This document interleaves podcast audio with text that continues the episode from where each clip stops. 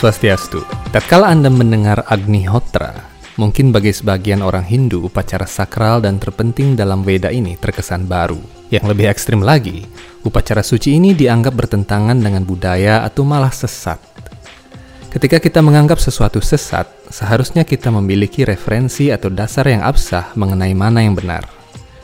Apabila klaim sesat tersebut hanya berdasarkan asumsi pribadi atau sekelompok orang saja, berdasarkan sikap a priori, maka itu adalah sebuah kesalahan berpikir.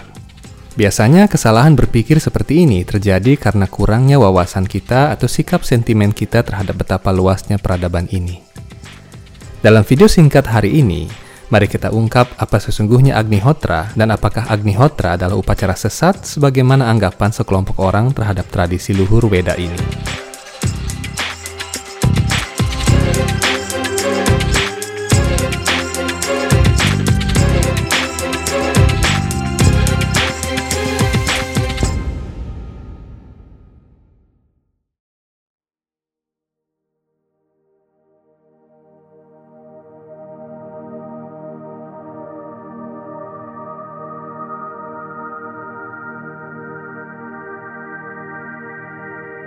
Anda barangkali sering melihat upacara Agnihotra di film-film India, di komunitas Hindu India, atau pernah menyaksikannya secara langsung. Faktanya, berdasarkan kitab Dharma Sastra, Agnihotra senantiasa harus dilaksanakan dalam setiap upacara yang dilakukan oleh manusia, mulai dari upacara kehamilan, kelahiran, pernikahan, hingga kematian. Dengan kata lain, Agnihotra atau Homa adalah ritual inti dalam upacara-upacara suci Weda. Dalam kitab-kitab Weda mulai dari Caturveda, Upanishad, Purana, Itihasa, dan Dharma Sastra, dinyatakan bahwa upacara api suci sangatlah sakral dan sistem pelaksanaan upacara ini diturunkan sejak awal penciptaan dari Dewa Brahma sendiri.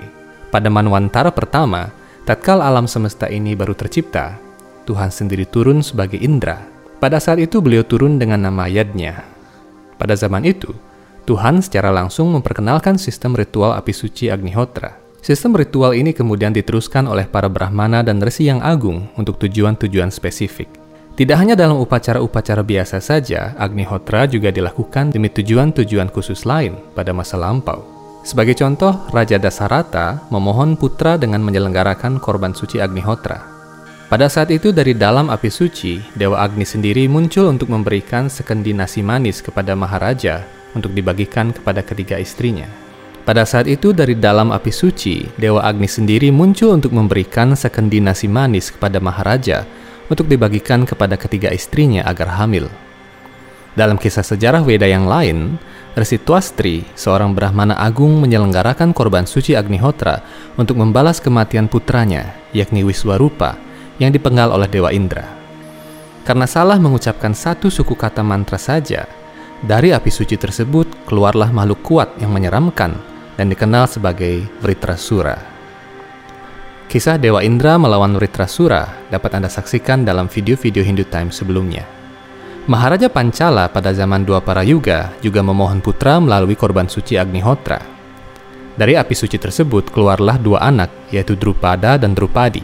Maharaja Pururawa, seorang raja pada zaman Treta Yuga dari dinasti Chandrawamsa, menyelenggarakan upacara suci Agnihotra agar bisa naik ke planet-planet surga dan bertemu kekasihnya, yakni Urwasi. Raja Pradyota, salah satu keturunan Maharaja Yudhistira, juga melaksanakan upacara Agnihotra yang sangat besar untuk mengurangi kekuatan kegelapan di awal zaman Kali Yuga. Tidak hanya dalam sejarah Veda, di zaman Nusantara kuno pun upacara Agnihotra terdapat di berbagai peninggalan sejarah, cerita rakyat maupun kesusastraan. Manik Angkeran contohnya, Menurut kisah dalam Babad, putra Dang Yang Sidi Mantra ini dilahirkan dari kobaran api suci Agnihotra atau Homa yang dilakukan oleh ayahnya. Pahlawan legendaris Bali kuno yang kita kenal sebagai Kebu Iwa juga lahir dari api yadnya Agnihotra yang dilakukan oleh kedua orang tuanya yang lama tidak mendapatkan keturunan. Apabila Anda berkunjung ke batas utara kota Bangli, Anda akan menemukan Pura Kehen, di dalam pura tersebut terdapat peninggalan kuno berupa kunda api atau altar tempat menyalakan api suci. Peninggalan serupa juga bisa ditemukan di dekat Sembiran, di daerah Gunung Kawi, dan di tempat-tempat suci kuno di sekitar Kintamani. Bahkan beberapa prasasti penting zaman Bali kuno seperti prasasti Bebetin menyebutkan dengan jelas bahwa terdapat kuil dewa api atau hyang api di dekat pantai utara Bali pada abad ke-11 hingga abad ke-12. Lalu apa sesungguhnya Agnihotra? Secara singkat, Agnihotra adalah upacara suci pokok yang termuat dalam kitab suci Weda. Dalam upacara ini, seorang brahmana atau pendeta, yajamana atau penyelenggara upacara, dan peserta upacara mempersembahkan biji-bijian, kacang-kacangan, dan minyak ghee ke dalam api suci disertai dengan pengucapan mantra untuk ista dewata yang ingin dipuja. Jadi minyak yang dituangkan dalam Agnihotra adalah minyak yang khusus diperas dari susu sapi, bukan dari bahan-bahan lain, apalagi minyak sawit.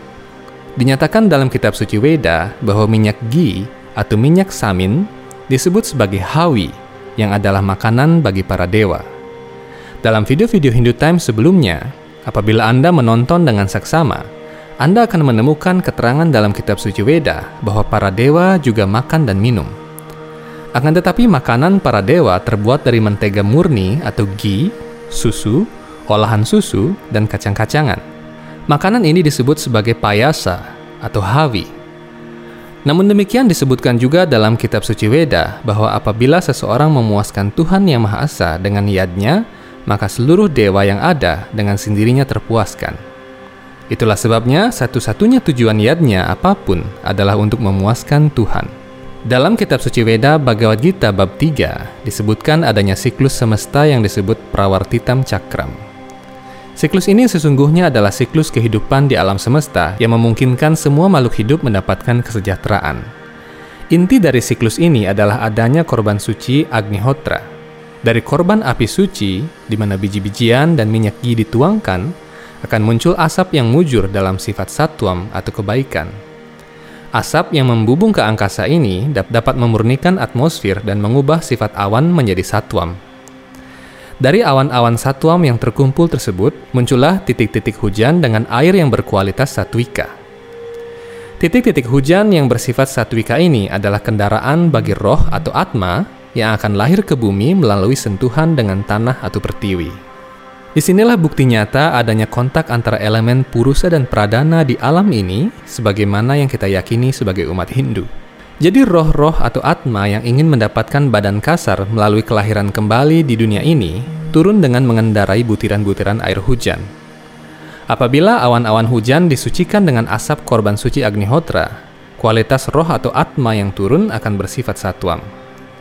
Dari atma yang dibungkus sifat satuam ini akan muncul berbagai macam makhluk hidup yang berkualitas baik. Karena itulah kita sering mengaitkan hujan dengan kesuburan. Dari tanah yang subur akan tumbuh tanaman pangan yang subur. Roh-roh yang jatuh melalui hujan itu berkembang dan masuk menjadi biji-bijian yang dapat tumbuh. Itulah sebabnya orang dapat menumbuhkan biji menjadi individu baru karena di dalam biji tersebut terkandung atma atau roh.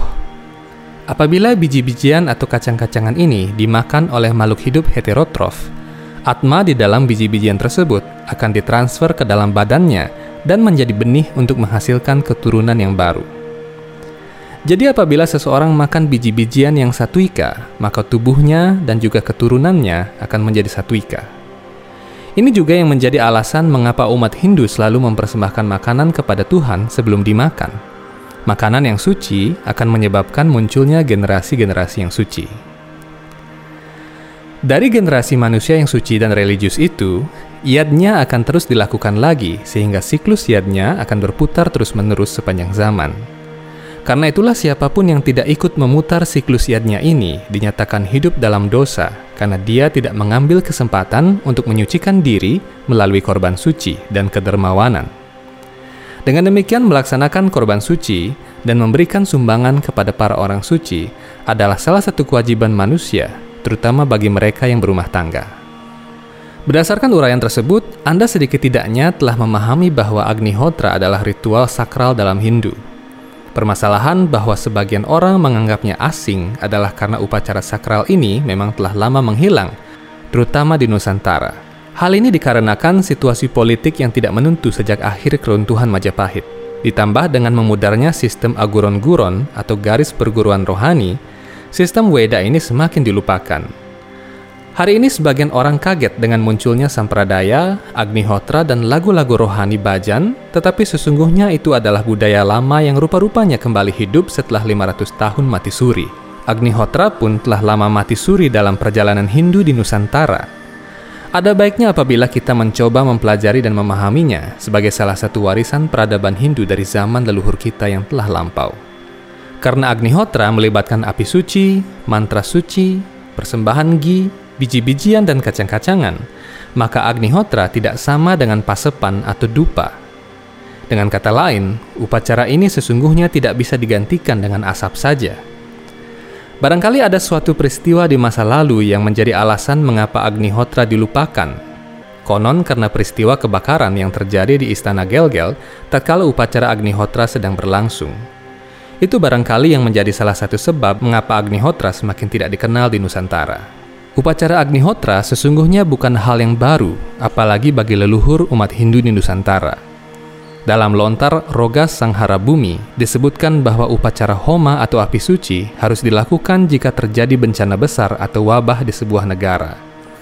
Upacara api suci juga harus dilakukan apabila ada tanda-tanda yang tidak mujur di suatu desa. Demikianlah para leluhur Nusantara telah mencatat Agnihotra sebagai upacara sakral yang suci.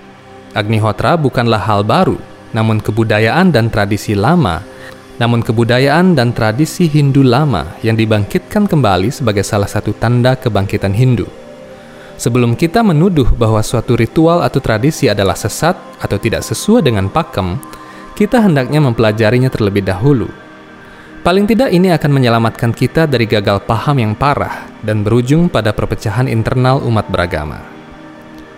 Semoga video ini bermanfaat untuk Anda. Walaupun tampaknya sederhana, Agnihotra ternyata menyimpan rahasia siklus alam semesta yang ajaib. Inilah bukti betapa ilmiahnya pengetahuan Weda dan betapa luasnya pengetahuan rohani. Setelah menonton video ini, mari kita merenung. Daripada kita mempermasalahkan tata cara persembahyangan atau upacara, kita hendaknya mempelajari lebih dalam tentang apa yang kita yakini, termasuk juga belajar memahami apa yang orang lain yakini. Sampai jumpa dalam video-video Hindu Times selanjutnya. Om Santi Santi Santi Om.